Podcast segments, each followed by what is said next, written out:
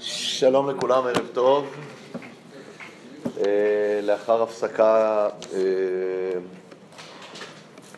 לחנוכה, לא הייתי כאן אה, בארץ, אנחנו נחזור למסלול הלימודים שלנו. אנחנו נמצאים בפרק ב' בשמואל. הנושא שהתחלנו לעסוק בו בשיעור הקודם, ואני אחזור וארחיב עליו מעט כי הוא מאוד רלוונטי לנושא שלנו כאן, על המחלוקת שיש כאן בין התפיסות של חנה ושמואל לבין עלי ובניו, שאנחנו נראה כאן אה, בהקשר של הסיפור, אה, כפי שהוא מופיע בפרק ב', שהסיפור הזה באמת מעמת את התפיסה השגויה שבה עלי ובניו מתנהלים, מול התפיסה שחנה מתנהגת בה.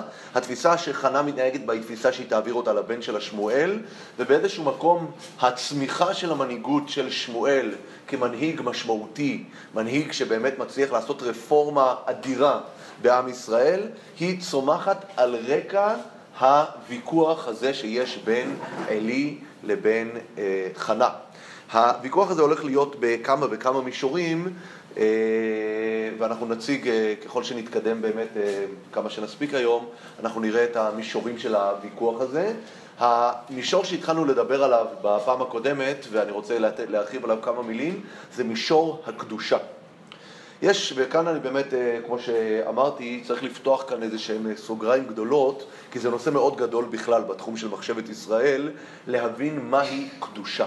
מהי קדושה? ברמה הפר... המילולית, כולנו יודעים שקדושה זה הבדלה. קדושה זה אומר דבר שהוא עומד כדבר נבדל. עכשיו, קדושה, כמו שאמרנו, קיימת כמעט בכל מרחב אה, חברתי, בין אם הוא דתי, בין אם לא. אחת הדוגמאות שהבאנו לזה זה לדוגמה בית משפט העליון או הכנסת. זה מקומות קדושים. מה הכוונה מקומות קדושים? הם מקומות נבדלים. בן אדם שנכנס לתוך בית משפט, הוא מתנהג אחרת מאיך שהוא מתנהג בחוץ. הוא הרבה פעמים גם לבוש אחרת, יש קוד לבוש במקומות כאלה, יש קוד דיבור במקומות מסוימים. זאת אומרת, קדושה אומרת שיש מקומות ואזורים מסוימים שדורשים, התנה... הם, הם מקומות שאנשים, הם נמצא שם בפנים, אנשים אה, ייחדו אותם לשימוש מסוים, ובאופן הזה הם קדושים, הם נבדלים. עכשיו, כמו שיש כמובן קדושה במרחבים הכלליים, כאשר אנחנו מגיעים למרחבים הדתיים, לקדושה יכולה להיות משמעות הרבה יותר גדולה. וכאן אני רוצה לעשות את ההפרדה ואת ההבחנה בין שתי סוגים של קדושות. הקדושה שעכשיו נתנו לדוגמה, קדושה כמו בית משפט עליון, או הכנסת, או כל מרחב ציבורי אחר שיש בו, לפעמים יש גם באירועים, יש מושג ה-black tie event, שזה גם, אתה מקדש את האירוע הזה, אתה אומר שהוא אירוע, הוא לא אירוע שאתה יכול להופיע אליו עם ג'ינס או עם טישרט, uh, uh, אתה מגיע בצורה מכובדת, יש קוד לבוש. אז אה, זה נקרא קדושה סוציולוגית, זה קדושה שהאנשים יצרו. אנשים כחברה, יש להם יכולת להגדיר מרחבים שיש בהם קדושה. קדושה, וכל פעם אתה מגדיר מהי אותה קדושה. אבל כשאתה מגיע באמת למרחבים הדתיים, יש כבר קדושה מסוג אחר. זה לא רק קדושה שהאדם הגדיר שיש כאן קוד התנהגות אחר, אלא יש גם תפיסה שיש דברים שיש בהם איזשהו כוח סגולי עצמי. לצורך העניין, וכאן אחת מהדוגמאות הבולטות, זה נניח לדון על יהדות, יהודי. יהודי זה דבר קדוש, נכון? הוא אדם מובדל מכל אדם אחר, נכון? השם הבדיל אותנו מכל העמים, נכון? אשר בחר בנו מכל העמים, הוא הבדיל אותנו ועשה אותנו עם סגולה. עכשיו, ההבדלה שלנו בתור יהודים יש לה שתי משמעויות. המשמעות הראשונה שדיברנו עליה, זה שיש לנו התנהגות שונה מאנשים אחרים. התנהגות שונה, יש לנו דרישות שונות, שבזה זה מאוד דומה לסיפור של בית המשפט שאמרנו. אנחנו כאנשים, אנחנו קדושים, נדרש מאיתנו קוד התנהגות מסוים. אבל מעבר לקוד ההתנהגות, יש גם... אין קדושה בבית המשפט העליון? אין קדושה. נכון, אבל הקדושה, לכן אני אומר, עכשיו זה קדושה שאנשים יצרו, זה קדושה שיש לה משמעות שהיא דורשת התנהגות שונה. זה, זה, זה אומר שזה מייצר יחס שונה בין האדם לבין הדבר הזה, וגם בתור יהודי, יהודי יש לו את הפן הזה שהקדושה שלו באה לידי ביטוי בזה שהוא מתנהג באופן שונה. הוא נראה שונה, הוא נראה שונה. עכשיו, אבל מה כן, מעבר לזה, ליהודי גם יש את הפן של הקדושה הסגולית. כי גם יהודי שאינו מתנהג בקוד ההתנהגות הנדרש מיהודי, איך אנחנו קוראים ליהודים כאלה? יהודים חילונים. יהודי חילוני, עדיין אנחנו אומרים שיש לו קדושה. במה מתבטאת הקדושה של יהודי חילוני? לא, בית משפט עליון זה, דוגמה למונח איך אתה מקדש משהו. אדם לפעמים אגב מקדש מרחבים פרטיים שיש לו. הוא מקדש, הוא אומר יש לי חדר, חדר עבודה. חדר עבודה, אתה, אה, אתה, אתה מקדש אותו, איך אתה מקדש אותו? אתה מגדיר שבו אני מתנהג אחרת. לחדר עבודה אה, אני לא, לא מכניס לי משחקים. לא מכניסים משחקים. אז קדושה הכוונה היא שאתה מתייחס לדבר באופן אה, נבדל. אז אני אומר, יהודי הוא גם נבדל בהתנהגות, אבל גם יהודי שלא נבדל בהתנהגות, יש לו קדושה עצמית סגולית. הוא יהודי, הוא מזרע אברהם, הוא, הוא, הוא, יש לו את הקדושה הסגולית. צריך להדגיש בדבר הזה, אגב, שגם בנושא הזה לכשעצמו יש שתי גישות בכלל במחשבה היהודית. יש את הגישה המפורסמת של הגישה של הכוזרי, הכוזרי מאוד שם המון דגש על התפיסה הסגולית היהודית. עד כדי כך, וזה מפורסם מאוד, שהכוזרי אומר שהיחידים שיכולים להיות נביאים זה רק אנשים שהם מזרע אברהם, יצחק ויעקב. אנשים שיש להם את היכולת הזאת. ובן אדם שהוא לא מהזרע שלהם, אין לו יכולת להיות נביא. והוא אומר יותר מזה, אפילו גוי שיתגייר לא יכול להיות נביא. למה? כי אין לו את ה-DNA הזה. אין לו את הגנטיקה הקדושה נקרא לזה, לפי הכוזרי. הרמב"ם חולק על הכוזרי מכל וכול. הרמב"ם שם את הדגש במה זה להיות יהודי. יהודי זה אחד שהוא מזרעו של אברהם. מה זה אומר להיות מזרעו של אברהם? זה אומר שאתה ביישן, רחמן וגומל חסדים. זה הם שלושת המאפיינים של יהודים. אז מה אנחנו שמים לב? איפה הרמב"ם שם את מוקד הקדושה? לא בזה שנולדת להיות יהודי, אלא שאתה מתנהג כיהודי. אחד מהתשובות המפורסמות של הרמב"ם זה לגר. יש עובדיה הגר, שלח שאלה לרמב"ם. מה, האם אני יכול להתפלל ולומר אה, אה, אלוקי אברהם, אלוקי יצחק ואלוקי יעקב, כן? אלוקינו ואלוקי אבותינו. הרי הם לא האבות הביולוגיים שלי, אז איך אני יכול להתייחס לאברהם, יצחק ויעקב כאבות הביולוגיים? ואומר לו הרמב"ם, חס וחלילה, חס ושלום. הנושא כאן הוא לא נושא ביולוגי, הוא נושא התנהגותי. ואם אתה בעצמך בחרת להידבק בעם היהודי ולנהוג כמוהו, בדגש על לנהוג, על התנהגות, אז אתה הבן הכי קרוב לאברהם אבינו. למה? כי הרי מה אברהם אבינו עשה? אברהם אבינו בחר להתחיל להתנהג כמו שיהודים צריכים להתנהג. אז המשמעות של להיות בן של אברהם זה לא בן ביולוגי, אלא אחד שנוהג כמו אברהם אבינו. וממילא הוא אומר שגר, ככה הרמב"ם כותב, שימו לב, שגר כשהוא אומר אלוקינו ואלוקי אבותינו, אלוקי אברהם, הוא יכול להגיד את זה בגאווה הרבה יותר גדולה מאיתנו.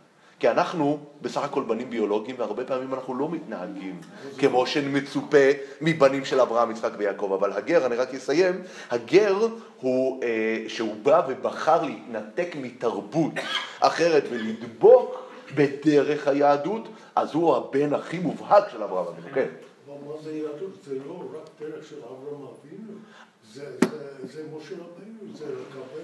אז, אז אני, אני לא רוצה עכשיו להרחיב את היריעה יותר בזה, לפי הרמב"ם הפער בין משה לבין אברהם זה אברהם עיצב את הדרך ומשה הוא זה שידע לנסח אותה בכללים, בתורה.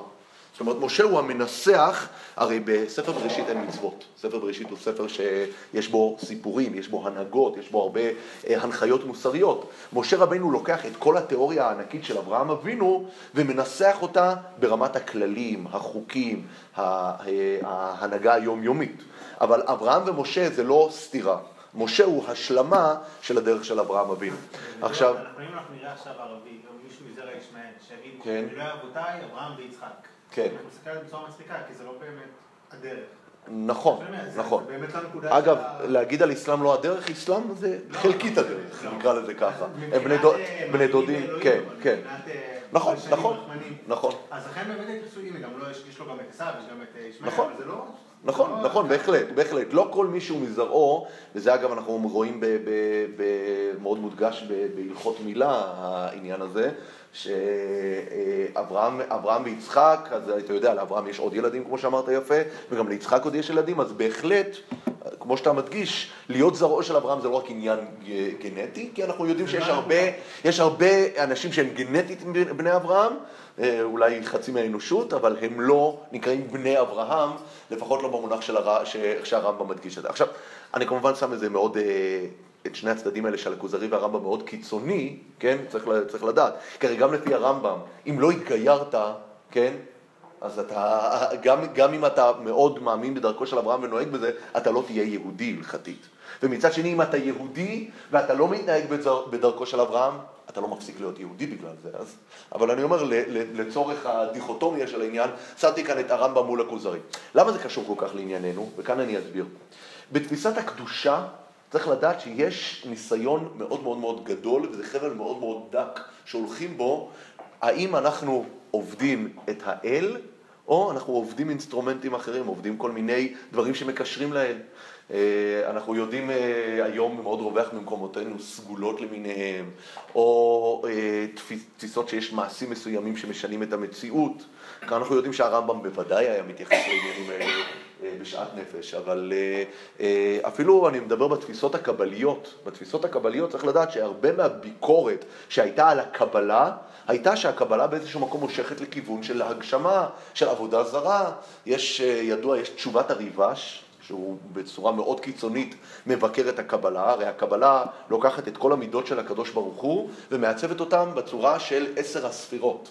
עשר הספירות, מידה, כן, אה, אה, אה, חסד, גבורה, תפארת, נצח, הוד, יסוד, מלכות, כל הספירות, ויש את ספירת כתר, כל הדברים האלה. אז יש עשר ספירות, אז הריבש אומר משפט מזעזע. הוא אומר, מה ההבדל בין אמונת השילוש לאמונת האיסור, איסור מלשון עשר. הוא אומר, שניהם, שניהם לקחת את האל ונתת לו, פיצלת אותו ונתת לו כל מיני אה, כוחות אה, גשמיים. אבל אני לא, כמובן, אני לא, לא רוצה עכשיו להיכנס לתוך הסיפור של אה, קבלה ופילוסופיה, אבל מה אני בא להגיד כאן? שיש סיכון מאוד מאוד מאוד גדול כשאתה מכניס לתוך הפעולה הדתית. עכשיו, פעולה הדתית צריכה להיות בין הבן אדם לבין האל, אתה מכניס מתווכים. ברגע שאתה מכניס מתווכים, אתה נמצא בבעיה. הרמב"ם בתחילת הלכות עבודה זרה מתאר את זה שכל ההידרדרות האנושית, הרמב"ם מתאר שם את ההיסטוריה של ההידרדרות האנושית לעבודה זרה, היא בכך שהשתמשנו במתווכים. ומתווכים קיימים עד היום ביהדות, צריך לדעת. כל חסיד ברסלב שמתחיל להתפלל, לפני תחילת התפילה אומר, הריני מקשר את עצמי אל הצדיק רבי נחמן בן פייגה. מה זה הריני מקשר? אני אומר, מי שאומר את זה ואומר את זה בצורה פשוטה בלי להבין מה הוא אומר, זה, זה, יכול, יכול, זה יכול להתפרש כעבודה זרה. או הדוגמה הזאת שאני נתתי, בזה שהרבה אנשים מאמינים שברגע שאתה פותח את הארון קודש בבית כנסת, אז התפילה שלך עוברת יותר טוב. חס וחלילה, התפילה היא בינך לבין הקדוש ברוך הוא. לפעמים יש המון עזרים חיצוניים שאמורים לעורר את הלב שלך. אבל זה, גם אם הארון קודש סגור, גם אם הוא פתוח, או גם אם אין בכלל ארון קודש במקום, התפילה היא בינך לבין הבורא. היא בינך לבין הבורא, זה צריך להבין. זה לא משנה את המציאות אם הארון פתוח או הארון סגור, ואנחנו יכולים כולנו לבדוק את עצמנו. אין ספק שאנחנו נמצאים בבית כנסת בימים נוראים, הרבה אנשים מרגישים שאם הארון פתוח, אז יש איזה משהו שמתחבר יותר חזק. זה, זה לפעמים, מה? אתה לא מאמין שכל הדברים ללכת לקברים של צדיקים ולהתפלל בדרך איזה צדיק זה קצת כמו הנוצרים, שהם מתפללים בדרך ישו. אז, אז זהו, זה תלוי, תלוי איך אתה עושה את זה. תלוי איך אתה עושה את זה. הנושא של לעלות לקברים, אנחנו מופיע כבר בחז"ל. מופיע ש, שכלב, כשהוא נכנס לארץ עם המרגלים, הלך להתפלל על קברי אבות. זה מופיע בחז"ל. השאלה היא איך אתה עושה את זה. הרמב"ם מתייחס לנקודה הזאת ספציפית. הרמב"ם מתייחס לזה בהמון מקומות. מתייחס לזה בהקשר של מזוזות. הרמב"ם אומר שמי שחושב שהמזוזות מגינות על הבית, הוא עובד עבודה זרה. הוא אומר מזוזות לא מגינות על בתים. מה פתאום? הקדוש ברוך הוא שומר על הבתים. הוא אומר את זה גם על קברים, הרמב"ם אומר את זה. אבל הנושא הוא האם אתה לוקח את הקבר כאיזשהו עזר חיצוני לעורר את הלב שלך, או שאתה חושב שהצדיק שנמצא, שנמצא שם הוא זה שיעשה לך את העבודה. הרוב שלהם, הם באמת מאמינים שהצדיק... זה בעיה, זה בעיה, זו תפיסה מאוד בעייתית, צריך לדעת. זו תפיסה, זו תפיסה בעייתית. מה זה? בסדר, בסדר, בזכות הצדיק, וכאן נשאלת השאלה, ואני שואל אותך שאלה, אה, אה, אני שואל שאלה, אם אתה רוצה שהצדיק ימליץ בעדך, למה לא תבקש מפה שרשב"י ימליץ בעדך? למה אתה צריך ללכת אליו? יש סיכוי שטרחת לבוא אליו ולהגיד פרטים... טרחת לבוא אליו, תלמד, תטרח ללמוד זוהר, למה אתה צריך ללכת אליו? למה צריך המלצות? יש אחד, אני אגב, במאמר מוסגר, רב- רבי ישראל זלמן מלצר אף פעם לא הלך, הוא היה יהודי, הוא חי פה בירושלים, והוא אף פעם לא הלך למירון. וזה הפריע לאנשים, למה אתה לא הולך למירון? כי כל הירושלמים, כשבאמת היה ל"ג בעומר, ירושלים הייתה מתרוקנת מיהודים. אז היה אומר תמיד, תשימו, ת- ת- תבינו, יש עכשיו, כל האנשים עושים למירון, יש פקק עצום ממירון עד לפה. אני האחרון בפקק. ככה הוא אמר. הוא תמיד היה אומר את זה. זו בדיחה שהיה חוזר עליה כל שנה ושנה, הוא אומר, אני במירון, אני פשוט האחרון בפקק. אבל אה, הוא אמר את זה כמובן בתור בדיחה, אבל אה, בכל מקרה, בוא, אני, אני קצת אה, סטיתי והתרחבתי, בוא נחזור, איך כל זה קשור לעלי ולחנה. אני? מה? זה, אגב, זו שאלה מאוד מאוד גדולה, צריך לדון עליה. אני, אני, אני, אני, אני, בוא נגיד כזה דבר. תתחיל עכשיו? אני מאוד מאוד אשמח להשאיר את השאלה הזאת מהדהדת חזק, תשבו ותחשבו עליה, מאשר לתת את כל הפתרונות פה, כי אני לא חושב, תקצר יריעה בוודאי בהקשר הזה, לתת את הפתרונות לזה. למה אנשים, בכלל, אגב, למה צריך להגיע לכותל? זה שיש קדושה למקומות.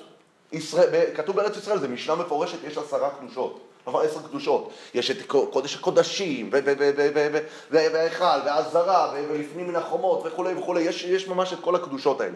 מה זה המשמעות האלה של הקדושות האלה? אז הרמב"ם, אגב, הרמב"ם מתייחס לזה. הרמב"ם אומר, כל אחד מהקדושות האלה, זה קדושות שהמשמעות שלהן התנהגות שונה. בכל גבול יש לי התנהגות שנדרשת יותר, ברמה של טומאה וטהרה, התנהגות, מורא מקדש, דברים. זה, המשמעות של הקדושות זה מה זה דורש ממך כאדם. זה לא שאתה אה, מתייחס כאן למשהו שלאט לאט הופך יותר חם ברמה האימננטית, שהוא יותר, יותר, אה, יותר אה, חזק ויותר קדוש. אבל? מה? למה זה דורש ממך?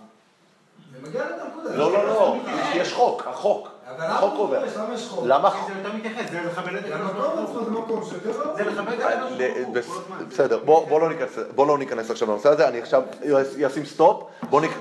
בוא, בוא, בוא נעבור ממחשבת, בוא נעבור בבקשה ממחשבת ישראל לתנ"ך עכשיו, בוא נעבור לתנ"ך, באנו ללמוד תנ"ך, כל זה עשיתי כהקדמה בשביל מה?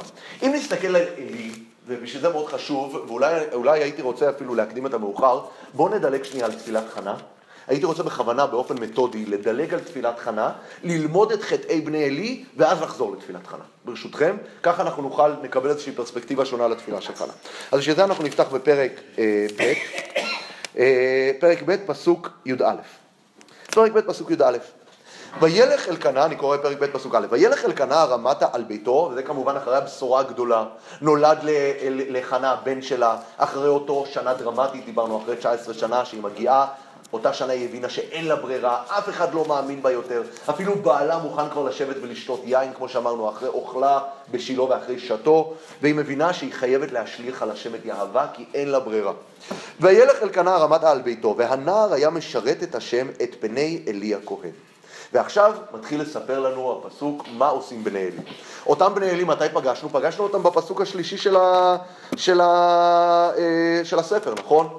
אנחנו רואים שמה שאלקנה עולה למשכן שילה, ואנחנו רואים שיש חידוש עצום בזה שאלקנה עולה למשכן שילה, למה? כי חופני ופנחס בעת ההיא כהנים להשם. זאת אומרת, מה הפסוק מספר לנו בפרק א', פסוק ג', שאף אחד לא רוצה ללכת ל- ל- ל- ל- לשילה, כי חופני ופנחס הם הכהנים שמה, ועכשיו אנחנו יודעים מה הם, נלמד מה הם עושים, שגרם לשילה להיות כל כך שנואה. ובני עלי בני בליעל לא ידעו את השם. מה הכוונה לא ידעו את השם? אנחנו נלמד. יוסף. מה? משה אצל פרעה שאולי ידע את יוסף. לא, לא, לא ידע את יוסף, אני לא, לא, אני חושב, לא ידעו את השם, אני חושב. הם לא התנגדו... יפה. הם לא התנהגו באופן שהשם היה מצפה מהם, זה הכוונה לא ידעו את השם. הם ידעו, יכול להיות שהם ידעו ש"ס בעל פה, יכול להיות שהם ידעו גם, אה, גם, גם, גם מפרשים והכל. הם לא יודעים דעת השם, דעת השם הכוונה היא לנהוג באופן שהקדוש ברוך הוא מצפה אבל מיהודי הם לנהוג. הם לא הם יהודים, הם יהודים, בוא נמשיך. אני אומר, הם יודעים אבל. הם יודעים, הם לא התנהגו ככה. נכון, נכון, כאילו. נכון, נכון, ובוא נראה מה הכוונה. שם. לא ידעו את השם אגב, וזה צריך לזכור כל הזמן, ספר שמואל הוא הקדמה ל... בסופו של דבר תגיע מקדש, תהיה התנהגות ראויה. אומר, אומר לך באמת הפסוק, יש כאן מקדש שמנוהל על ידי אנשים שלא יודעים לנהל מקדש באופן נכון. ובמה הם נופלים? בואו נראה. ומשפט הכהנים את העם. יש כאן איזשהו משפט של הכהנים מול העם. כל איש זובח זבח, ובא נער הכהן כבשל הבשר, והמזלג שלוש השיניים בידו, יש לו קלשון כזה עם שלוש שיניים, והנער מגיע עם המזלג הגדול הזה. והיכה בכיור או בדוד או בקלחת או בפרור, כל אשר יעלה המזלג, ייקח הכהן בו, ככה יעשו לכל ישראל הבאים שם בשילה. זאת אומרת, מה קורה? אנשים מגיעים להקריב, אה, לזבוח, מה הם זובחים? הם זובחים שלמים. בקורבן שלמים צריך לדעת, יש, אה, יש אה, חוק, מה החוק? החוק זה אומר שהכהנים צריכים לקבל זרוע לחיים וקיבה, נכון? אגב, המשפט הזה צריך לדעת, אם נפתח בדברים פרק י"ח, בואו נראה, יש שם באמת פסוק שמשלים לנו את הדבר הזה, שצריך לדעת. פרק י"ח, פסוק ג', בדברים. ושימו לב למשפט המנחה פה, המשפט המנחה פה זה משפט הכהנים.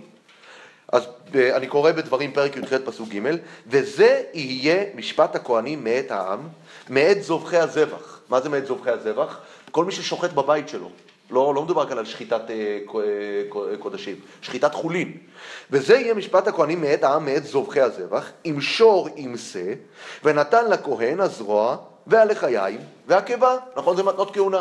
בואו נקרא את המשפט אצלנו. מה המשפט כאן? הוא משפט הכהנים את העם, ממש אותו משפט כהנים, שמה אמור להיות? שהבן אדם בו נותן, הכהן לא לוקח, תראו מה כתוב כאן.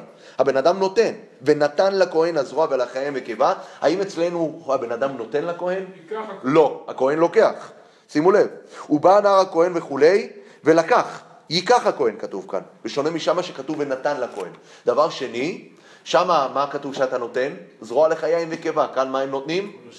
מה שייקח המזלג. זאת אומרת, זה ממש קזינו, קזינו של בשר. מה שנתקע במזלג זה מה שעולים.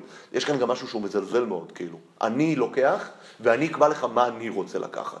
באיזשהו מקום. אני מכה, אני לוקח, וזה לא הזרוע לחיים והקיבה. זאת אומרת, מה התחושה שהכוהנים משדרים כאן לעם? מגיע לי, זה שלי. צריך לשים לב, אגב, דבר מאוד משמעותי וחשוב, כי היום אנחנו חיים בתוך מערכת מיסים שאנחנו רגילים שלוקחים לנו את המס, נכון? בן אדם יש לו תלוש, לוקחים לו. בארץ לוקחים לך כל חודש, אני מבין באמריקה זה בסוף השנה, אבל לוקחים לך, אין לך ברירה, נכון? במערכת המיסים של התורה אף אחד לא לוקח ממך. אתה תמיד צריך לתת, זה חובה אישית, אתה נותן תרומות, אתה נותן מעשרות, אתה נותן מפריש חלה, אתה נותן מתנות כהונה, זה וולונטרי. יש דברים מסוימים שאפשר לכפות עליהם, כופים על הצדקה, אבל אה, אה, המושג של המיסים בתורה זה מיסים של נתינה. אז פה צריך לדעת שהם באים והם הופכים את עצמם לסוג של פקידי שומה. פקידי שומה, פקידי שומת מס. הם מחליטים יש מיסים, את המיסים אנחנו נגבה, ואם אתה לא תיתן אנחנו ניקח בכוח, אנחנו נראה את זה בהמשך. אז החטא הראשון אנחנו רואים קודם כל, הם לוקחים, אה, הם לוקחים קודם כל, הלקיחה היא חטא, וזה שהם לוקחים זרוע לחיים וקיבה, לא, לא את הזרוע לחיים וקיבה, אלא מה שעולה במזלג, זה תוספת לחטא. בואו נמשיך. אה, וכתוב ככה יעשו לכל ישראל הבאים שם בשילה, וכבר אנחנו מבינים למה ישראל, עם ישראל לא אוהב לבוא לשילה בגלל זה, אוקיי? מה זה פרעה? מה? מה זה פרעה? לא יודע. מה זה פרור? סיר זה סוג של, אני מבין, זה מתוך הזה. דוד, קלחת או פרור, אני לא יודע. זו שאלה טובה, לא יודע. מה? הם שלטו, אני לא יודע אם היה שם מה שנקרא כהנים משנה שעזרו, אבל זה ברור שחופני ופנחס הם היו הבוס, הם היו הבוסים הגדולים. אני לא יודע להגיד לך אם היה עוד כהנים או לא. כתוב כאן משפט הכהנים, משפט הכהנים את העם, אבל... אתה רואה שהם שולחים נער, מה זה? סיר, סוג של סיר, כמו שאמר כאן אה, זאב, כן. אוקיי, מה אני ממשיך, פסוק ט"ו, גם בטרם יקטירון את החלב, וכאן עוברים לא לחולין שמבשלים, אלא לקודשים. קודשים יש כלל, לא בכל הקודשים, עולה היא כליל להשם, נכון? אבל יש קודשים קלים. קודשים קלים, מה, קלים, מה הכלל? אתה נותן להשם, אתה מקריב להשם, מקטיר את החלב ואת מה שצריך להקטיר, ואז הכהנים אוכלים מהקורבן. זאת אומרת, באיזשהו מקום אתה נותן את הקורבן להשם, והשם כאילו נותן לכהנים לאכול. וזה מאוד חשוב להדגיש את העניין הזה, כי זה קורבן להשם. זה לא כמו הקורבן הקודם, הדבר הקודם שדיברנו עליו, ששם מדובר על חולין. חולין זה שלך. אתה, אתה שוחט את זה, זה שלך, אלא שהתורה מצווה אותך, כמו בתרומות ומעשרות, לתת לכהן את הזרוע ולך יין והקיבה. פה זה קורבן שהוא של השם, אלא הכהנים אוכלים משולחן, שולחנו של מקום. אז לכן צריך מאוד להדגיש פה, אתה קודם כל נותן להשם ואז אתה לוקח. פה בואו נראה מה קורה. גם בטרם יקטירון את החלב, ובא נער הכהן ואמר לאיש הזובח, תנה בשר לצלות לכהן, תן בשר עכשיו. ולא ייקח ממך בשר מבושל כי אם חי. אני לא רוצה לחכות עד שאתה תעלה את זה למזבח, עד שזה יהיה מוכן וצלוי ואז תיתן, אלא אני לוקח ממך עכשיו, אני רוצה איזה מוכן, אני רוצה את הסטייק ככה מדמם מראש, אוקיי? ויאמר אליו האיש, וכאן הפסוק מתאר, בדרך כלל האיש היה מתווכח, היה אומר, אי אפשר לעשות דבר כזה, קודם כל צריך להקריב את הקורבן על המזבח, ורק אז הכהנים אה, מקבלים. ויאמר אליו האיש, כתר יקטרון כיום החלב, וקח לך כאשר תהיה בנפשך. ושימו לב מה הוא אומר, ואמר לו, ואמר לו, כי אתה תיתן, ואם לא, לקחתי בחוזקה. אוקיי? זאת אומרת, אני לא, לא, אם אתה לא תיתן לי, אני אקח ממך בכוח. אתה חייב לי, ואני אקח את זה כמו שאני רוצה. אז, אז כאן אנחנו רואים אה, את הפגיעה באמת גם ב, ב, בקורבנות. בפגיעה בקורבנות ותחושת הבעלות שלהם על העניין הזה. הלאה. אני ממשיך, אני ממשיך לקרוא, אני ממשיך לקרוא, שנייה אחת ברשותך. ותהי חטאת הנערים גדולה מאוד את פני השם, כי ניאצו האנשים את מנחת השם. אוקיי? זאת אומרת, הם ממש מבזים כאן את הקורבנות. אבל בואו נמשיך. לא? מה זה? יש כאן גזל מהאנשים, אגב, כן, בהחלט. כשאתה לוקח מהאנשים את מה שהם לא חייבים לתת לך, כי הם חייבים לתת לך רק זרוע לחיי המקיבה, אתה לוקח, אתה גוזל מהאנשים. וכאן מדובר באמת בסוג של, כמו שאומרים, זה עבירה של בן אדם לחברו. העבירה כאן של הקורבן זה עבירה של בן אדם למקום. אוקיי? במקרה הראשון הם גונבים מהאדם, במקרה השני הם גונבים מהקדוש ברוך הוא. עכשיו הפסוק כאן כותב כאן, ותהי חטאת הנערים גדולה מאוד את פני השם, כי ניאצו האנשים את מנחת השם. כאן זה פסוק מעט מוזר. העבירה שלהם זה שהם ניאצו את מנחת השם? הרי בחלק הראשון את מה הם מנאצים? לא חייבים לחלק את זה לשני חלקים. אז זהו, אתה אומר, מה שמפריע, הפסוק כאן נותן הערכה רק לחטא השני. או שאולי מדובר בחטא אחד לכל ה... כי הרי מדובר באנשים שבאים לזבוח זבח בשילה. כן, אבל זבוח, כאן מדובר על, הזבח שהם עושים כאן זה הזבח משפחה, זה מה שהם שוחטים מחוץ למקדש. זה שחיטת חולין. איך אני יודע אגב? אני יודע מהשוואת הפסוקים שעשיתי לדברים בפרק י"ח. ומשפט הכהנים את העם. שמשפט הכהנים את העם זה מדבר על אה, מה שהם זכאים לו כמס משחיטת חולין, שזה זרוע לחיים וקיבה. במדבר, כי במה שקראת בספר דברים זה מתייחס למדבר, נכון? נכון. במדבר פרק י"ח. לא היה זבח מחוץ, היה רק שלמים. אגב, זה מחלוקת. זה מחלוקת שם. לא האם היה שחיטה או נחירה. אבל נכון. אתה אומר, שם כל שחיטת חולין הייתה שחיטת לא, אה, קודשים. נכון. שזה נמשך פה? לא, זה לא נמשך. כשהם נכנסו לארץ זה הפסיק. אנשים מדברים פה, לא, לא אמרתי שזה נמשך, אני אומר שגם פה... אנשים באים לשילה, מה זה אומר שהם באים לשילה? הם זובחים זבח בשילה. אני, אני, בהתייחס לנקודה הזאת, אני ראיתי שחלק מהפרשנים כאן אומרים שהסיבה שהם באו לשילה, כי גם בתקופה ההיא הרבה אנשים היו, אה, לא ידעו לשחוט טוב.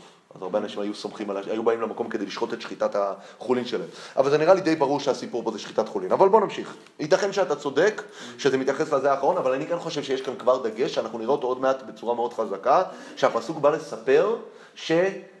ואנחנו נראה כאן את הפער של בין אדם למקום לבין אדם לחברו. בואו נמשיך. וכאן הפסוק ממשיך בכוונה כדי להנגיד. הפסוק עכשיו מספר לי מה היה עם בני עלי, בואו נראה מה קורה עם הבן של חנה. ושמואל משרת את פני השם נער חגור אפוד בד. ומעיל קטון תעשה לו אמו, והעלתה לו מימים ימימה בעלותה את אישה לזבוח את זבח הימים. וברך עלי את אלקנה ואת אשתו, ואמר ישם השם לך זרע מן האישה הזאת, תחת השאלה אשר שאל השם, והלכו למקומם. והלכו למקומו. כי פקד השם את חנה ותר ותלת שלושה בנים ושתי בנות, ויגדל הנער שמואל עם השם. שימו לב, הנערים בני עלי בני בליעל לא ידעו את השם, ויגדל הנער שמואל עם השם. זאת אומרת, שמואל ממשיך עם דרך השם, לעומת הבנים של עלי, שהם לא ידעו את השם. אני רוצה להגיד, להזכיר לכם שההנגדה הזאת לא מתחילה פה. אם אתם זוכרים, כאשר עלי תוקף את חנה בפרק הראשון ואומר לה, עד מתי תשתכרין? הסירי עינך מעלייך. נכון, הוא תוקף אותה על ההתנהגות שלה מול מקום המקדש, התנהגות שנראית לו התנהגות לא מתאימה. מה היא אומרת לו? אל תיתן את אמתך לפני בת בליעל. אמרנו, היא השתמשה בכוונה בביטוי בליעל, למה? כי בעצם אומרת לו, אתה תוקף אותי שאני לא מתנהגת כמו שצריך במקדש, תסתכל על הילדים שלך שבני עלי הם בני בליעל, נכון? אז את ההנגדה הזאת כבר חנה עשתה, היא אומרת, ובעצם זה כבר מספר לנו שיש כאן תפיסות שונות, יש את חנה מול עלי, ועוד שנייה ניכנס ל, ל, ל, להקשר של הקדושה שדיברנו עליו, ואיפה זה בא לידי אה, ביטוי פה. אז בואו נמשיך עוד כמה פסוקים ושם אנחנו נראה את העניין הזה. ועלי זקן מאוד, ושימו לב שעוד שנייה אנחנו נגלה על חטא חדש של הנערי, של בני עלי שלא שמענו עליו עד עכשיו. עד עכשיו קראנו מה החטא האחד, שבשר חולין הם לקחו בכוח ולקחו לא רק זרוע, לחיים ונקבה, וחטא שני זה בקורבנות, בקורבן השלמים, הם היו לוקחים לפני ההקטרה של החלב את הקורבן. עכשיו אנחנו נגלה על חטא שלישי. ואל, מה זה? לא, אני לא, אני לא בטוח, זה לא כתוב כאן. הם רצו, את הנע, הם רצו איזה נע לדעתי, כי הם רצו לעשות איזה ככה, את מדיום רר, כמו שהם אוהבים ה, בגריל שלהם. לא, אולי גם, אבל אין, לי סיבה. את רואה, את רואה ראייה מהפסוקים להגיד ככה? לא. מה? לא, יש בזה, כי אני, אני רוצה את זה עכשיו, כשזה הולך על המזבח, שם כנראה אני לא, אני לא אוהב את הסגנון הצלייה שם. סגנון הצלייה של המזבח לא מתאים לי, הסיפור הזה. אני לא יודע. אני לא יודע, אבל אני לא רואה לזה הכרח מהפסוקים. ייתכן. ובא נער הכהן כבשל הבשר. כן. זאת אומרת שכבר כבר שחטו. כן, שח... זה, זה נכון ששחטו, אבל היא רצתה להגיד שיכול... אה, אתה אומר, אתה אומר כי זה אחרי השחיטה כבר. אוקיי, ייתכן, אני, אני מקבל מה שאתה אומר. כבשל הבשר זה אומר שזה כבר אה, מוכן, ל... מוכן כבר ל... ל... ל... להקטרה. זה עבר כבר את השחיטה. זה, כל איש זובח זרע. כן. זאת אומרת, שהוא כבר זבח את זה. אני, אני מסכים איתך. אני מסכים איתך, מסכים איתך, זה מסכים מדובר על השחיטה הראשונה, זה לא על החלק השני. מה?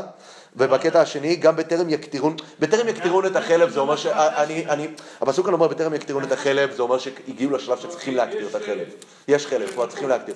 אני מניח שאתה צודק, שהייתה שחיטה, ולכן אני, אני, אני, אני לא, לא, לא, לא, לא חושב שזה הסיפור פה. בואו נמשיך. אגב, אני לא, אני מתנצל שאני לא עיינתי מספיק במדרשי חז"ל, חוש הריח שלי שמדרשי חז"ל אומר שהם יגידו גם את זה. יש מישהו שאמר את זה לפני אני, אז אני אומר את זה בלי, בלי שאני זוכר את זה, כי לא, לא, לא, אני אומר, זה קלאסי. זה, זה מדרש קלאסי, זה להגיד, להגיד בסיטואציה הזאת, כי בדרך כלל חז"ל, כשהם קוראים טקסט כזה, הם בדרך כלל מזהים כל מיני רמזים דקים לעוד הרבה הרבה יותר עבירות ממה שהפסוק מת- מתאר לנו. אבל אנחנו ננסה להיצמד לפשוטו של מקרא. טוב, בואו נמשיך. ועלי זקן מאוד, ושמע את כל אשר יעשון בניו לכל ישראל, ואת אשר ישכבון את הנשים הצובעות פתח אוהל מועד. מה זה הנשים הצובעות פתח אוהל מועד? היו נשים שהיו בסביבת המשכן, שהן היו חלק מה... או מהצוות, צובעות זה מלשון צבא, נכון? הן נמצאות בסוג אה, של תפקיד, שהן היו שם אה, באזור. אנחנו יודעים, אגב, יש הקשר אחר שנאמר על נשים צובעות במשכן, היה את המראות הצובעות, נכון? המראות הצובעות. אה, יכול לישון צובע על הבית זה אחד שבא. לצבוא צבא. מאוד דחוף, מאוד הרבה, כאילו, כן, אבל אני אומר, נשים היו מגיעות שם לפתח אוהל מועד, ובעצם מה שקורה כאן, מה זה אשר ישכבון? זאת אומרת שהם היו מנצלים אותם. היה, היה כאן אה, ניצול, אה, ניצול של המעמד שלהם, ניצול מיני. עכשיו, כאן אנחנו צריכים לשאול שאלה, וזו שאלה משמעותית. למה הפסוק לפני כן לא מספר לנו שזה מה שהם עשו? רק כאן, בדרך אגב, הפסוק מספר לנו שעלי שמע שזה מה שהם עשו. כי כל הזה הוא ראה. אני- מה? כל מה שאמרנו עכשיו זה מתייחס לאלי, ושאלי ממש ראה את זה. זאת אומרת, זה הוא ראה בעיניים ואת זה הוא לא ראה? ועל זה, ועל זה מה? בוא נראה, בוא, בוא, בוא נמשיך עוד לא פסוק, את אלי. אני חושב שיש כאן דגש, עוד דגש משמעותי. ויאמר להם, לא, שנייה, אני רוצה להסביר את מה שאמרתי. כן. התחל- התחלנו את כל המקרה הזה, ובני עלי בני אליעד. נכון. זה בעצם אומר, למה קוראים בני עלי? למה לא תשמעו שניהם? כי בעצם כל האשמה כאן הייתה על עלי. אוקיי, בוודאי, בוודאי, הוא לא כיהה בהם, נכון. החלק הזה, הוא כבר לא קשור. החלק הזה באמת ברגע שהוא שמע הוא. אוקיי, אז אתה אומר, אבל הדברים הקודמים הוא לא מיכה. בוא נראה. שומע מה אתה אומר, שומע מה אתה אומר, בוא נראה. אני אומר שומע מה אתה אומר, כי המילה שומע כאן היא מאוד משמעותית. בוא ננסה לבדוק כמה פעמים כתוב כאן שומע. עוד פעם, ואלי זקן מאוד, ושמע את כל אשר יעשון בניו לכל ישראל, ואת אשר ישכבון את הנשים הצוות פתח אוהל מועד. אגב, כאשר יעשון בניו לכל ישראל, מה זה מתייחס? לחלק הראשון. זה מה שהם עשו לכל ישראל. ואת אשר ישכבון את הנשים הצוות פתח כל מועד. ושימו לב מה הוא אומר להם. ויאמר להם, למה תעשון כדברים האלה אשר אנוכי שומע את דבריכם רעים מאת כל העם אלה. על בניי כי לא טובה השמועה אשר אנוכי שומע מעבירים עם השם. מה הכוונה מעבירים עם השם? שולחים ברשתות החברתיות, כן? זה הכוונה מעבירים. הם מעבירים מזה לזה. מעבירים. הם מעבירים את השמועה. אז שימו לב, קודם כל, זה ודאי בולט פה. ארבעה פעמים כתוב כאן את השורש שמע. מה שמפריע לאלי פה, זו השמועה. איך אני יודע, אגב, שזה מה שמפריע לאלי? כי בסופו של דבר, וכאן אני, אה, מה שנקרא, יהרוס לכם את המתח, הרי בפרק ג', אה, לא בפרק ג', בסוף פרק ב', יבוא איש אלוהים וייתן נבואת תוכחה איומה לעלי, נכון? ובתוך נבואת התוכחה, מה הוא, יגיד, מה הוא אומר לעלי, אם נסתכל בפרק ב' פסוק ל', לכן נאום השם אלוקי ישראל אמור אמרתי, ביתך ובית אביך יתהלכו לפניי עד עולם, ככה חשבתי שבית עלי הם יהיו שוש, שושלת הכהנים הגדולים, ועתה נאום השם חלילה לי כי מכבדי אכבד ובוזי יקלו, אתה ביזית אותי, ומה הוא אומר, ולמה, ולמה למה זה הסיפור הזה? הוא אומר ותכבד את בניך ממני לפני כן, זאת אומרת, הוא, האיש האלוהים מוכיח את עלי שאתה היה חשוב לך הסטיגמה, היה חשוב לך השם, היה חשוב לך מה שומעים, הרבה פחות הפריע לך מה הם עשו, הרבה יותר העסיקה אותך השמועה, אוקיי? השמועה היא זאת שמעסיקה אותך, אוקיי? אז אתה רואים, ואתם רואים פה שבאמת הוא כל הזמן אומר להם, אני שומע, לא טובה השמועה, אנוכי שומע, כל, כל פעם הדבר הזה, כי באמת מפריעה לו השמועה, מפריע לו המעמד של הכהנים, שהמעמד של הכהנים מתבזבז. אבל בואו שימו לב, רגע, רגע, רגע, רגע, מה זה? עכשיו, צריך לדעת שחלק חלק מהמפרשים פה אומרים, לא טובה, למה זה לא נזכר קודם? כי באמת העניין הזה לא קרה חלק אמורים, זה היה רק שמועה, זה היה רכילות, זה היה הוצאת שם רע. אז הפריע לו למה אומרים עליכם דברים כאלה, אוקיי? אבל זה לא באמת קרה ולכן זה לא מופיע קודם. ייתכן, ייתכן. מה? אז אני אומר, או שזה לא קרה, אחד מהשתיים, או שזה לא קרה וזו הייתה רק שמועה, או שזה קרה, אבל אנחנו נראה, יש כאן, הפסוק בעצם מדגיש, למרות שזה קרה, ולכאורה מתוך כל העבירות כאן, זו העבירה החמורה ביותר, נכון? זה גם עבירה שיש בה, אה, אה, אה, עבירה של ערווה, וזה גם עבירה של בן אדם, אה, זאת אומרת לחברו, זה ניצול מיני, זה עבירה חמורה הרבה יותר מהדברים הקודמים, ולכן הפסוק כאן בכוונה מחלק אותם, את העבירה הזאת מהעבירות הקודמות, כי היא עבירה באמת בסדר גודל הרבה יותר גדול, ולמרות שזו עבירה בסדר גודל הרבה יותר גדול, עדיין עלי עסוק בשמועות. בואו נראה עוד בעיה שיש לאלי ביחס לדבר הזה. מעבר לזה שאלי מתייחס כאן ומפריע לו השמועה, שימו לב למשפט הבא, והמשפט הבא, אני חייב להגיד לכם, זה משפט שמי שהקשיב טוב לנבואות של ירמיהו, ישעיהו, יחזקאל, הנבואות המוסריות, הוא, הוא צריך להזדעזע כשהוא יקרא את הפסוק הבא. ושימו לב מה, מה אלי אומר, לא טובה השמועה אשר אנוכי שומע מעבירים עם השם. אם יחטא איש לאיש, כשבן אדם עושה פעולה של בן אדם לחברו, ופיללו אלוהים. הקדוש ברוך הוא יכול מה לעשות? יכול להעניש אותו, יכול, לא, לא, לא פיללו הכוונה הם פלילים, יכול להעניש אותו. ואם להשם יחטא איש, מי יתפלל לו? זאת אומרת, הוא אומר להם, מילא הבן אדם לחברו שאתם עושים, הקדוש ברוך הוא יעזור, אבל כשאתם חוטאים להשם בעצמו, מי יעזור להשם? תרגום לאנגלית הוא שונה. מה? If one man sin against another, the judge judges him. אלוהים במובן... אלוהים במובן כן, אלוהים לא תקלל. If a man sin, sin against the Lord, who should intercede for him? זה ב... אגב, זה בסדר, זה לא משנה, כי זה עדיין מדגיש כאן את היפוך הערכים. מבחינת עלי, מבחינת עלי, מה יותר חמור, בן אדם לחברו, בן אדם למקום? בן אדם למקום הרבה יותר חמור. הוא אומר, בבן אדם לחברו אפשר לטפל בזה, כמו שאתה אומר, ילכו לשופט, אה, יזמן עדים, ית- ייתן עונש, אבל כשזה עבירה כנגד הקדוש ברוך הוא, מי יעשה את זה? אנחנו יודעים, ובמיוחד בהקשר של המקדש, נכון? מה הנבואה הראשונה של ישעיהו, הוא אומר כל הזמן? למה לי רוב זבחיכם, אמר השם? לא מעניין אותי המקדש, למה? כי אתם לא דואגים לאלמנה וליתום, זה, זה הבסיס של כל, ה, של כל הנבואות הללו, זה מופיע בכל מקום בנבואות, כן? במוסר הנביאים, זה המוסר הגדול של הנביאים. תעזבו את בית המקדש, בית המקדש חשוב, אבל האנשים יותר חשובים מאשר המקדש. גם- מה אנחנו רואים אצל עלי? הפוך לגמרי. מה יותר חשוב? המקדש מהאנשים. גם, גם לשכב את הנשים הצובעות זה חטא להשם, זה, זה, זה בעצם ביזוי המשכן. זה לא, אה, הוא לא מתייחס לזה כאל אה, חטא של אדם. אז אני אומר, בחטאים האלה, בוא, בוא נסתכל, יש כאן שלושה חטאים. בחטא הראשון, זה חטא שיש בו גם מימד של בן אדם לחברו, בוודאי. אתה לוקח מבן אדם משהו שהוא לא צריך לתת לך. אם יש שם חטא הוא, נפרד. הוא, הוא, קודם כל הוא לא צריך לתת לך כלום, הוא לא חייב לך. הוא מצווה לתת לך זרוע לחיים וקבע. אז ואתה לוקח ממנו דברים אחרים, בוא נגיד מה, אתה לוקח ממנו חלקים משובחים מה, מה, מה, מהבהמה, אתה גנב, אז זה ודאי בן אדם לחברו. החטא השני, עם השלמים, זה חטא של בן אדם למקום. כאילו אתה לוקח אה, אה, דברים ששייכים לקדוש ברוך הוא, כאילו, גנבת מהקדוש ברוך הוא. בחטא הראשון גנבת מהאדם, בחטא השני גנבת מהקדוש ברוך הוא. בחטא השלישי, שתיהם נכונים. אתה גם מנצל באופן ניצול מיני, ויש לך גם, את, כמו שאמרת, את, את הביזיון של המקדש. הוא מתייחס לחטאים אם להשם יחטא. כן. הוא לא- הוא לא... זה נשמע כאילו הוא מתייחס לחטאים של הבנים שלו, כאילו הם- כאילו הם חטאים להשם. נכון, כי לא מעניין אותו בן אדם לחברו באיזשהו מקום. אני לא רוצה להגיד את זה בצורה כל כך קיצונית. אבל הוא יודע שיש כאן חטא של בן אדם לחברו, אבל הוא אומר, החטא של בן אדם לחברו, אני מסוגל לחיות איתו, כי מישהו יטפל בזה. אבל הבן אדם למקום, איך אפשר לעשות דבר כזה, אוקיי? זה הסיבה אגב שאני חושב אם נחזור לפרק אה, י"ז, כשהפסוק אומר, ותהי חטאת הנערים גדולה מאוד את פני השם, כי ניאצו האנשים את מנחת השם, אני חושב שהפסוק הזה, הוא, הוא, הוא מספר לנו שהנושא המרכזי פה היה העבירות שלהם בין אדם למקום, שהם ביזו את המקדש, שהם גנבו את מנחת השם. וזה הבעיה פה, זה מה שמפריע לו.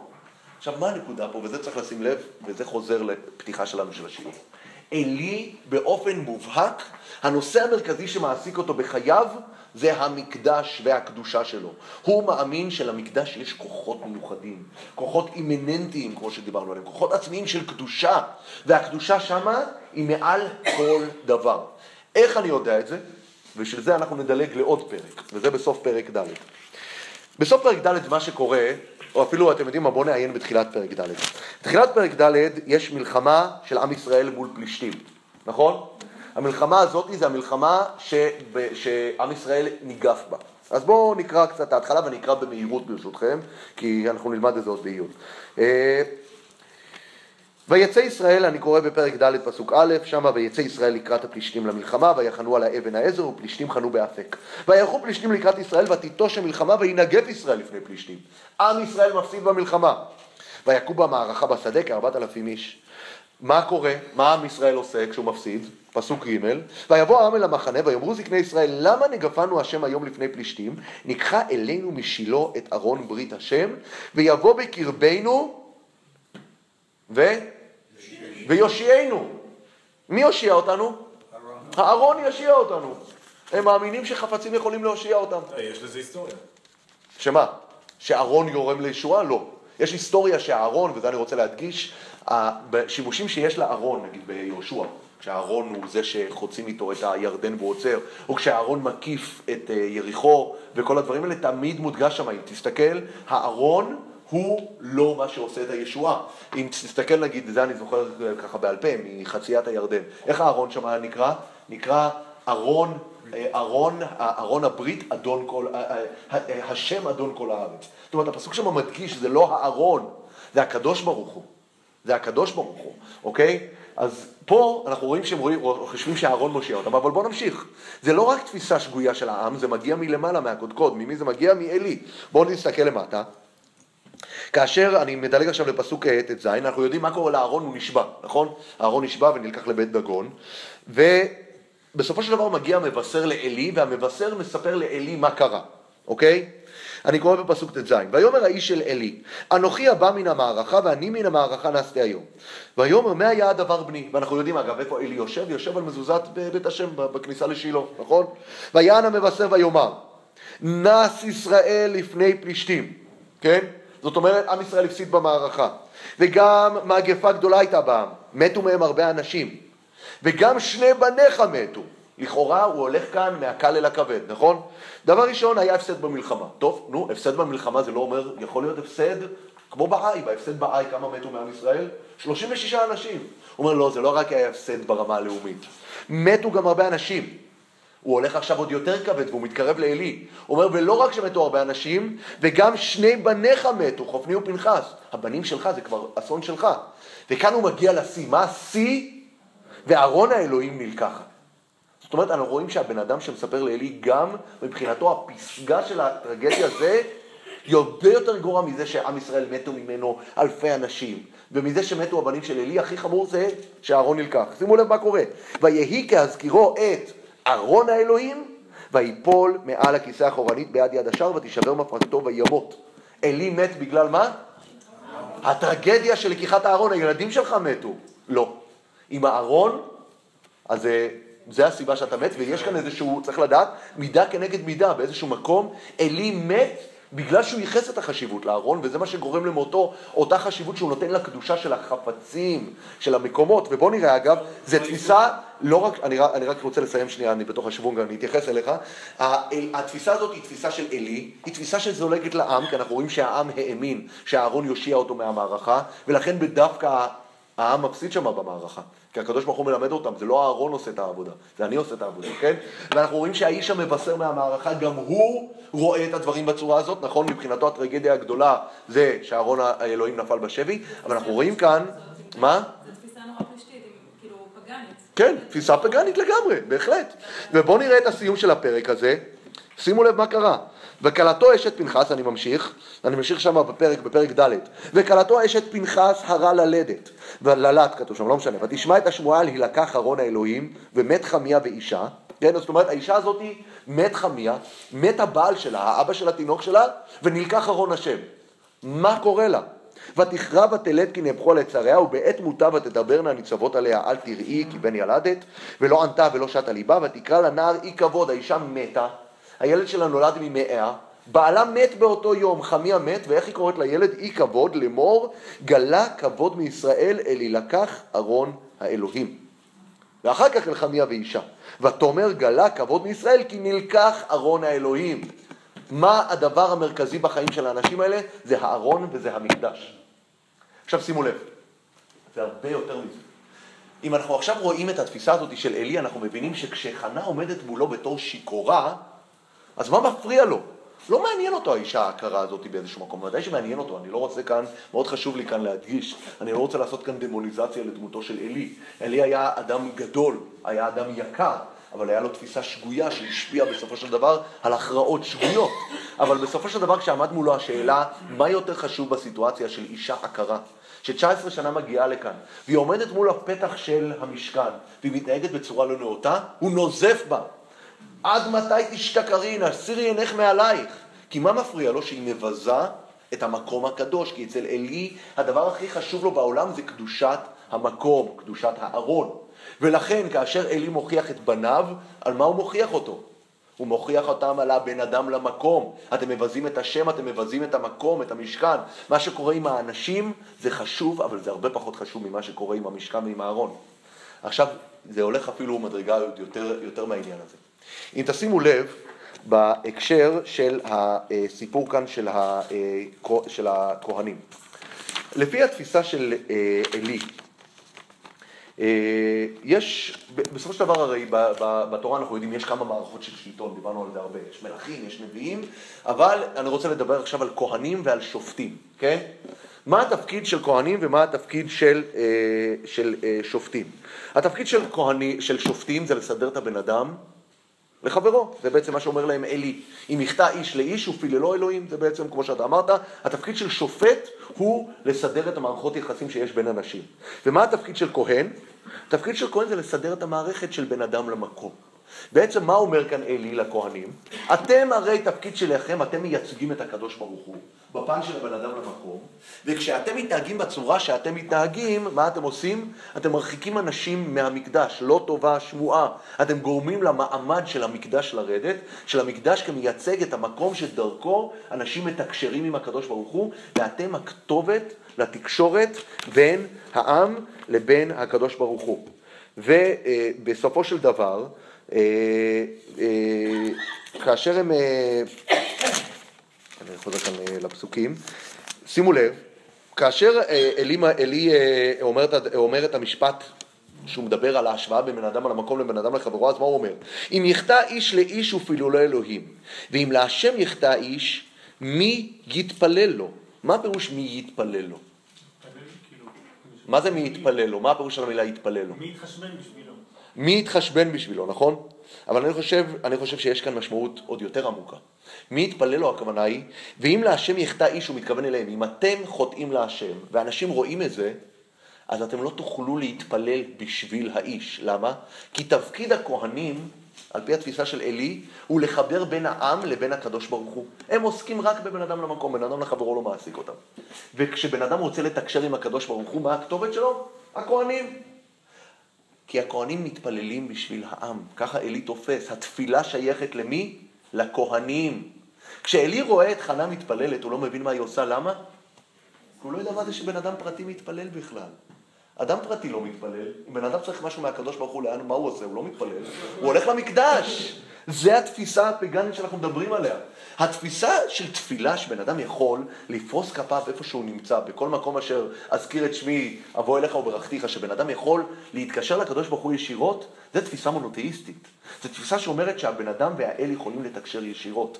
התפיסה הפגנית אומרת שהמונופול על הקשר בין האדם לקדוש ברוך הוא עובר דרך המקום הספציפי ודרך האנשים הספציפיים, המוסדות הדת הספציפית.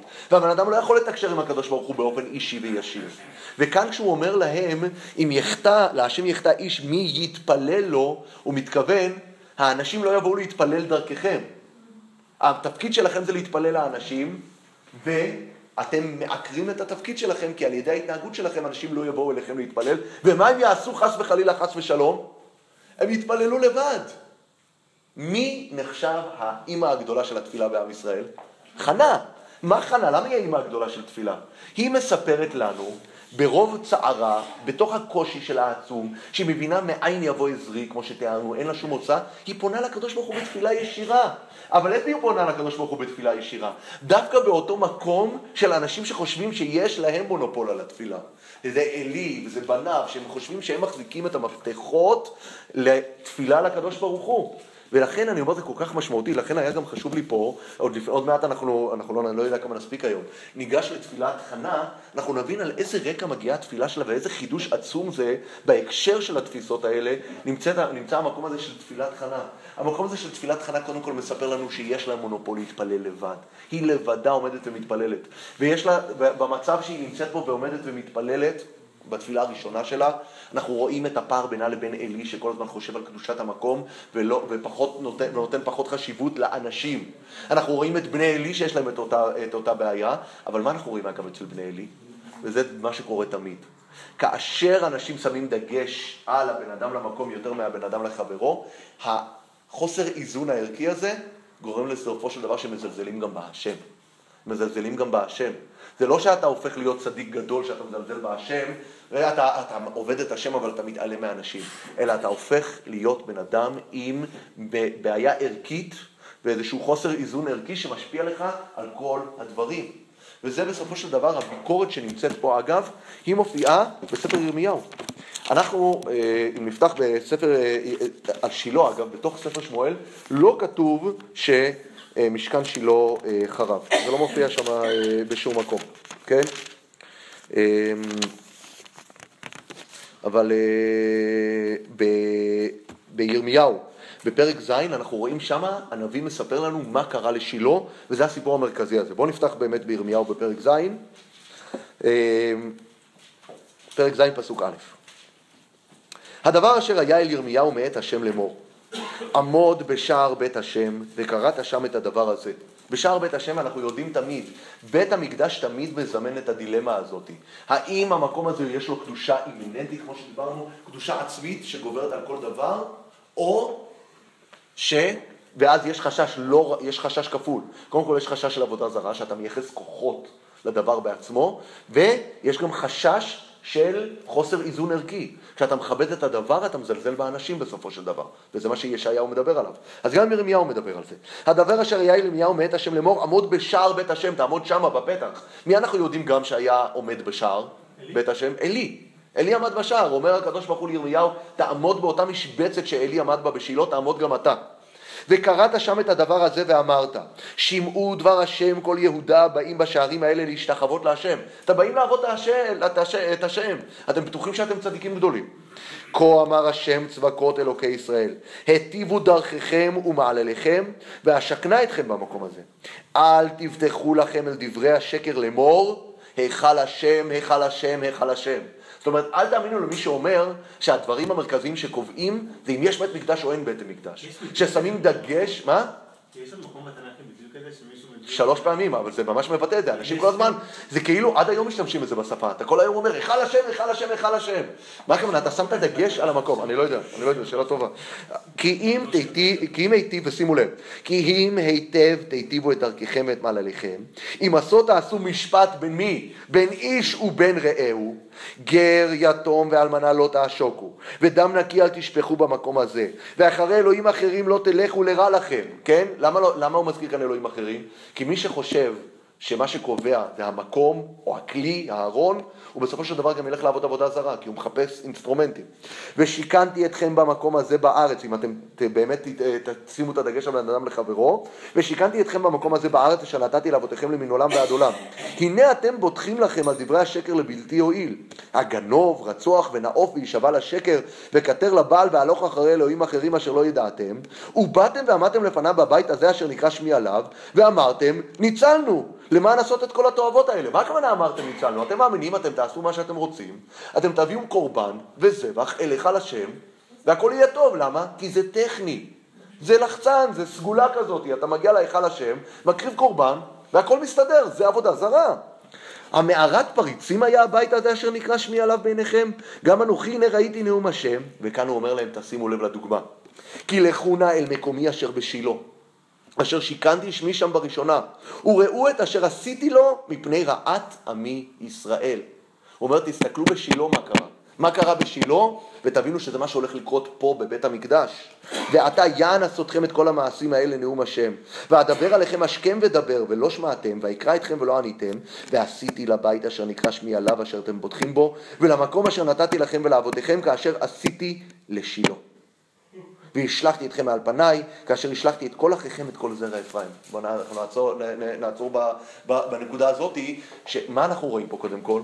אגב, יש, אה, גם בספר תהילים מדובר על חורבן שילה. שילה חרב בגלל הנקודה הזאת ספציפית. בגלל הנקודה של המחלוקת הזאת שיש בין עלי לבין חנה, על מה המרכז, איפה נמצא המרכז של הקדושה? האם הקדושה היא קדושה שהאדם עושה? האם המערכת יחסים בין האדם לאל תלויה באדם או תלויה בחפצים? זה הנושא המרכזי שיש כאן בתוך הפתיחה של הספר, וזו המחלוקת הגדולה שיש בין עלי לבין חנה. ואנחנו נראה גם בהמשך איך שהמחלוקת הזו, שהיא אה, היא מחלוקת כמו שאמרנו, היא, היא מדברת על, בכלל על המושגים של עבודת השם. האם עבודת השם היא, עבוד, היא, היא, היא עבודה אה, של הגשמה דרך דברים או עבודה אישית? האם התפילה היא של הכהנים יש להם מונופול על התפילה או תפילה של אדם יחיד? האם מה יותר חשוב? איפה נמצא הדגש? הדגש נמצא על בן אדם לחברו יותר או על בן אדם למקום? האם יותר חשוב לנו עניינים מהותיים או הסטיגמה? אנחנו רואים שאלי גם עסוק בסטיגמה, בשמועות. כל הדברים האלה ביחד מתחברים לכלל תמונה מאוד מאוד כואבת על המצב של שילה לפני החורבן שלה. ושילה, וצריך לדעת, זה דבר מעניין, כי אנחנו לא מדברים על זה. אנחנו יודעים שיש חורבנות, חרבו שני מקדשות, חרב מקדש ראשון, מקדש שני, יש עוד חורבן. וצריך לדעת שהחורבן של שילה הוא חורבן מאוד משמעותי, כי שילה עמדה 369 שנה. זה לא רחוק מהמשך של המקדשות שהיו. שילה, אגב, צריך לדעת, שילה זה לא נקרא, קוראים לזה משכן, אבל זה לא משכן. בשילה היו קירות אבן, אבל היו יריעות על זה. היו יריעות מעל קירות האבן. זה היה מקום מאוד קבוע, מאוד משמעותי, זה היה אה, אה, אה, מקום עבודת השם במשך תקופה של כמעט 400 שנה. אבל אני לא יודע למה, משום מה החורבן של שילה נמחק מהרקורד. אנחנו לא מתאבלים על חורבן שילה, כנראה כי הוא היה חורבן לפני שהגיעה התפארת הגדולה של המקדשות. של המקדשות. אבל, אבל חורבן שלו אנחנו רואים שירמיהו מתייחס, וירמיהו בסופו של דבר אומר, כאשר יחרב הבית, הוא יחרב מאותן סיבות שחרב אה, משכן שילה. תודה. הקהל הגדול הגיבור והנורא שלא יפנים ולא ייקח שוחד נכון, נכון, כבר בפרשת עקב. נכון. שעל על הנקודה של השוחד שאי אפשר לשחד את השם, בהחלט. לא כמו עבודה זרה. נכון, נכון, עבודה זרה, נכון, לא, לא ייקח שוחד. באיזה חודש אה, נחנכה וזה? נחרב? שילה?